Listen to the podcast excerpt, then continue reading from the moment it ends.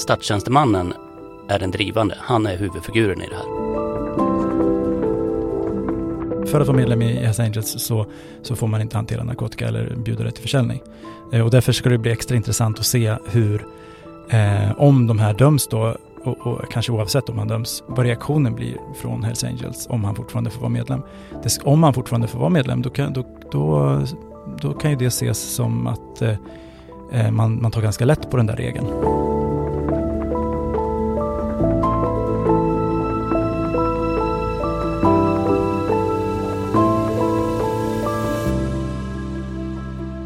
Då var det dags för ett nytt avsnitt av Ekokrim, Eskilstuna-Kurirens podd om brott som sker i och omkring Eskilstuna. Detta är det första avsnittet på det nya året 2024. Och det blir ett spännande avsnitt kan jag utlova. Vi spelar in det här avsnittet eh, den 18 januari och eh, det var bara några timmar sedan så fick jag, Robin Folke och min kollega Peter Larsson del utav förundersökningen eh, i det stora narkotikamålet. Vi har kallat det för Rio-härvan som har haft Eskilstuna som bas kan man säga. Eh, Rio står för Riksenheten för internationell och organiserad brottslighet eh, och det är eh, den åklagarkammare som eh, utreder det här brottet. Peter, i stora drag, eh, ska vi repetera, vad, vad handlar det här om? Eh, I höstas så fick vi reda på att två Eskilstunabor var häktade. Det ena var en 50-årig krogprofil, det andra var en 44-årig statstjänsteman personer som man vanligtvis inte hittar i de här sammanhangen och som inte var kända för oss, definitivt inte i kriminella sammanhang. Då handlar det om eh, synnerligen grov narkotikasmuggling och synnerligen grovt narkotikabrott. De andra två är en 42-årig man, fullvärdig medlem i Hells Angels eh, i Eskilstuna, samt en 29-årig man från Säter som också finns i kretsen runt. Så har vi förstått det i alla fall. 50-åriga krogprofilen och 44-åringen, statstjänstemannen, de har ju varit häktade längst. Och de eh, åtalas också för det som de var häktade för. Mm.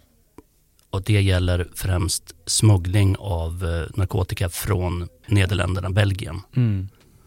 De här andra två, HA-medlemmen och 29-åringen från Säter, de har hjälpt till med försäljning här i Sverige. Åtalet kom idag och vi fick ut förundersökningen från tingsrätten ganska snabbt. Eh, du och jag har båda försökt att ta till oss det materialet, det är ganska stort. Och det är inte bara digert, det, är, det, det finns en storhet då i, i även i vilken typ av material det är. Det är inte så ofta som eh, det leder så långt som att organisatörer på den här nivån av narkotikainförsel till Sverige åtalas. Det har inte vi sett lokalt någonsin nästan. Nej. Den stora frågan har ju alltid varit, var kommer knarket ifrån och vem är det som organiserar så att det, det kommer ut på våra gator? Här har vi en liten del av svaret faktiskt, för en del, en del eh, utav det här eh, narkotikan som, som, som kom till landet genom den här misstänkta smugglingen då, är, har också distribuerats i Eskilstuna så vitt vi kunnat förstå det hur stora volymer, hur stora mängder av narkotika har det här åtalet omfattat? Totalt sett handlar det om drygt 10 kilo kokain, några kilo cannabis och eh, mer än 200 000 narkotikaklassade tabletter. Mm. 17 kilo cannabis till och med. 17 kilo. Ja, det, det, är, det är grönt, vitt och eh, olika typer av eh, tabletter. Mm. Blått, kanske.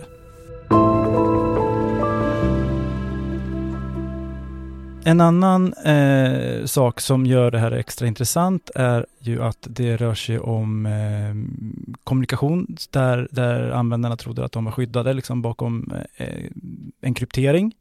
De använde sig av så kallade Sky ECC-telefoner, en krypterad tjänst som, eh, som, knäcktes, som har knäckts och eh, avkrypterats av europeisk polis och gjorts tillgänglig för svensk polis.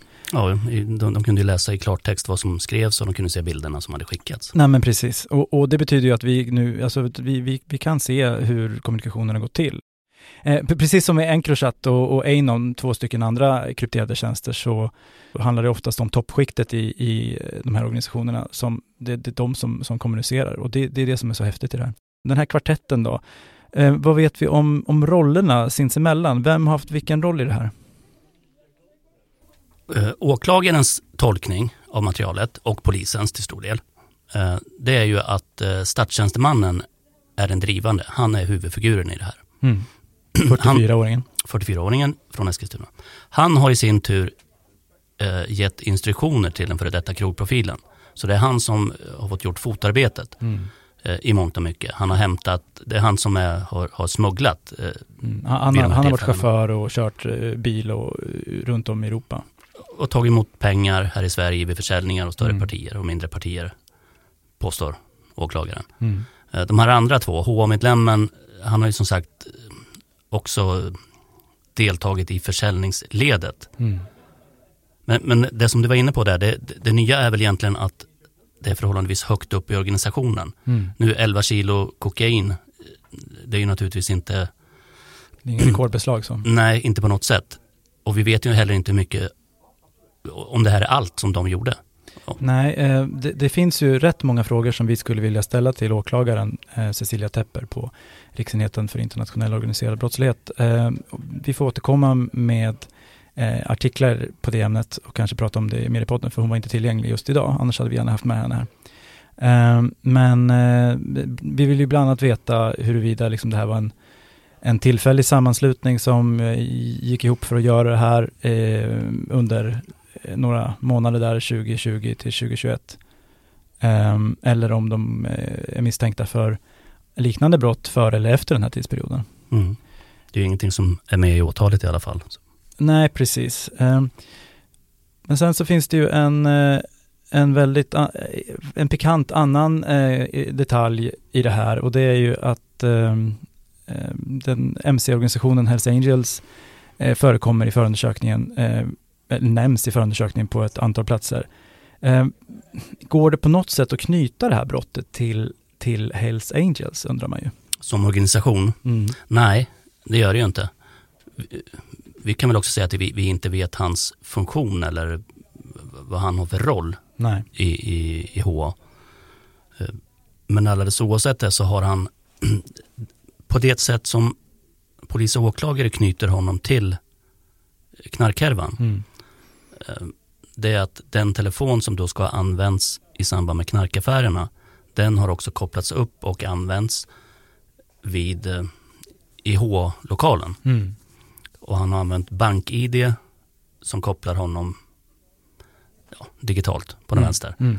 Eh, och, det, och det handlar om hundratals, kanske tusentals uppkopplingar Mm.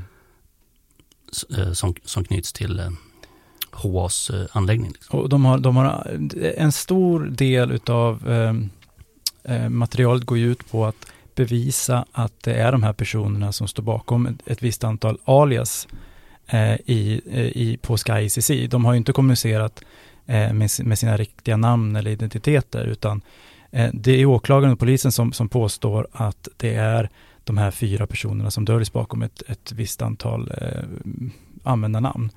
Och Eh, där som jag förstått det så har de använt eh, olika referenser till eh, HA eller klubben, eh, alltså som nämns i meddelandet för att knyta den här eh, 42-åringen eh, till, här, till, till vissa användarkonton på Sky. Mm. Men vi vet ju inte hur, hur den här eh, MC-organisationen ser på just det här specifika brottet Nej, men vi vet hur HA ser på narkotika generellt. i allmänhet. Mm. Och det är inte med blida ögon riktigt. Eh, Nej, det är väl i klartext att man inte får eh, hantera narkotika. för att vara medlem i Hells Angels så, så får man inte hantera narkotika eller bjuda det till försäljning. Eh, och därför ska det bli extra intressant att se hur, eh, om de här döms då, och, och kanske oavsett om han döms, vad reaktionen blir från Hells Angels om han fortfarande får vara medlem. Det, om han fortfarande får vara medlem, då kan, då, då, då kan ju det ses som att eh, eh, man, man tar ganska lätt på den där regeln. Mm. Ja, det blir intressant att se. Definitivt. Vi var inne på det då att eh, utredarna har eh, på bästa sätt försökt att, att knyta eh, personerna till vissa konton på Sky. Eh, kan du säga något mer Peter om liksom, hur de an, har gått tillväga mer? De har ju jämfört de här datumen då när, när Sky, Sky-konversationerna har varit igång. eh, Där man då pratar mer eller mindre i klartext om att man gör affärer och vissa summor och, och platser och tidpunkter och personer och så.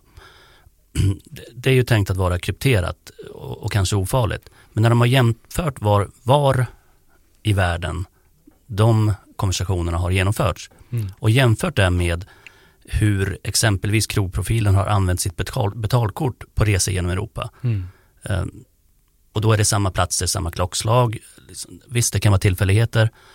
Eh, men- det är så de har pusslat ihop det. Knyta en person till ett eh, krypterat konto Mm där känslig information har eh, påträffats. Precis, eh, eh, liksom, de har utnyttjat de här personernas tro i att de kommunicerade helt skyddat. Ut, på något sätt så har de ah, liksom, jag, jag tänker att skulle jag kommunicera och tro att ingen annan hörde mig, ja då skulle jag kunna vara ganska tydlig med detaljer och ganska öppen. Och det är ju en svaghet då som utredarna har utnyttjat.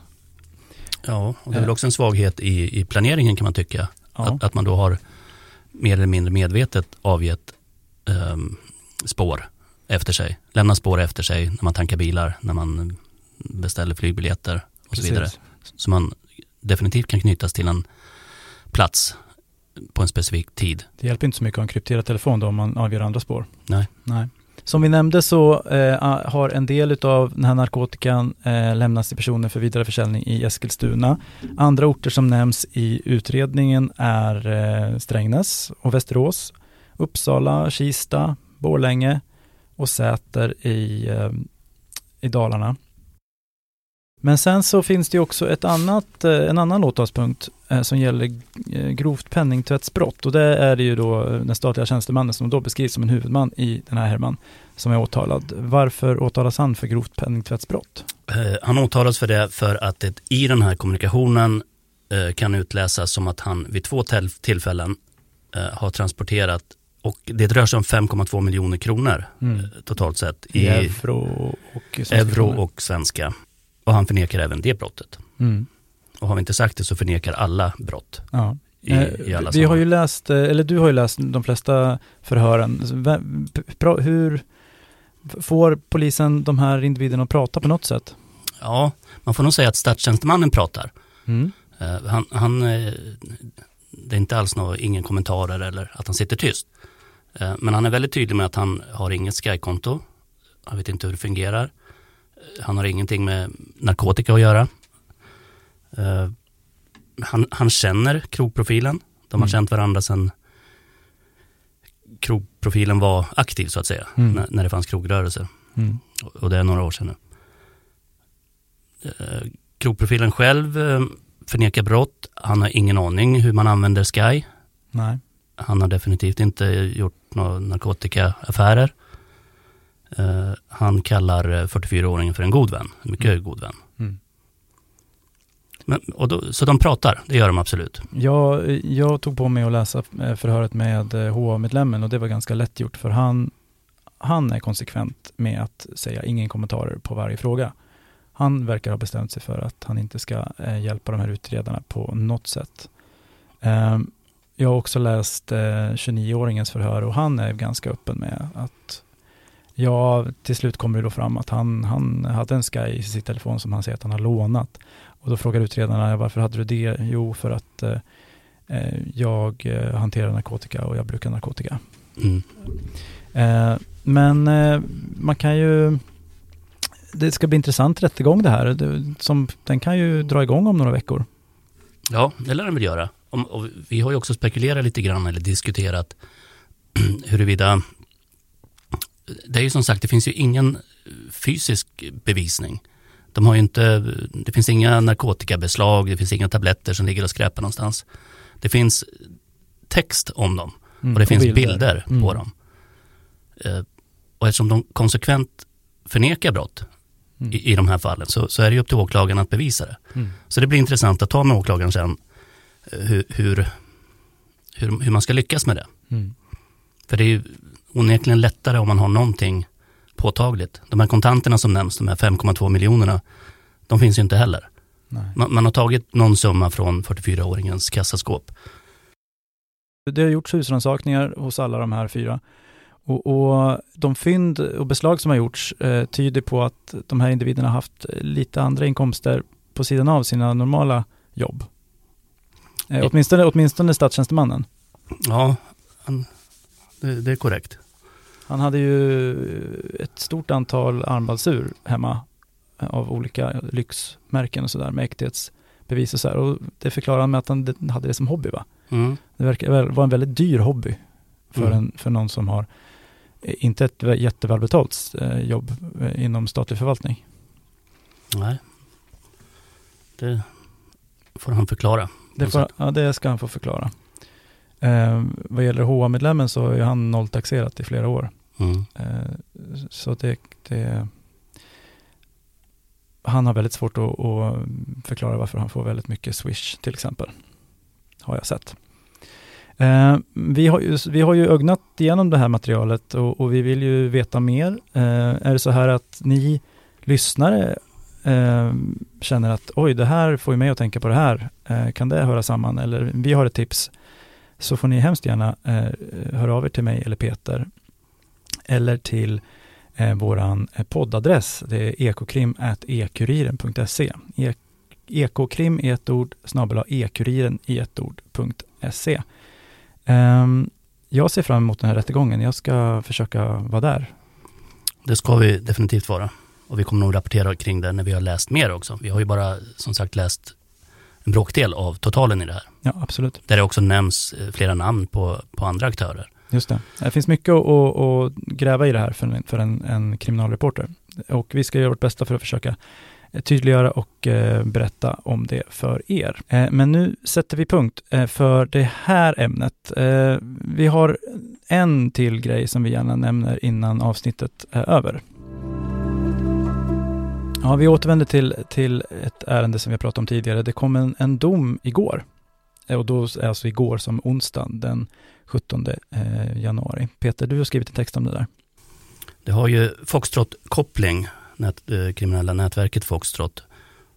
Och det som har, det allting kretsar kring, det är en, en halvautomatisk pistol som eh, polisen hittade när man stannade en bil på E20 i höstas. Eller slutet av sommaren. Mm. Och i den satt en 18-åring från Eskilstuna och en 47-årig stockholmare. De åkte förresten i en taxibil som var inte i, i trafik. Mm. I den här bilen så låg den här, eh, det här vapnet inlindat i en jäkla massa gladpack, Mhm. plast. Eh, Och sedan dess har de varit häktade. Mhm. Det finns, de, de två dömdes häromdagen då för grovt vapenbrott. Mm. 30 månaders fängelse var. Men de här två var inte, egentligen inte huvudfigurerna utan det var en 22-årig man från Täby Mm. eh, som det pågick en spaningsinsats mot eh, från eh, Stockholmspolisen. Som vi tror har koppling till koppling, som vi tror har koppling till eh, Foxtrot-problematiken, Just det. om vi kallar den så. Eh, det. Det här var, vilken tid på året var det här? det var slutet av sommaren, Eh, I slutet av sommaren förra året. Ja. Eh, Då, då, det pågick 30 ganska, augusti. då det pågick ganska mycket öppen strid mellan olika falanger i den här organisationen, eller hur? Mm, mm. Mm. Och då den här 22-åringen som jag sa från Täby, han eh, tog ju då omedvetet med sig de här spanarna till Eskilstuna eh, den ena dagen.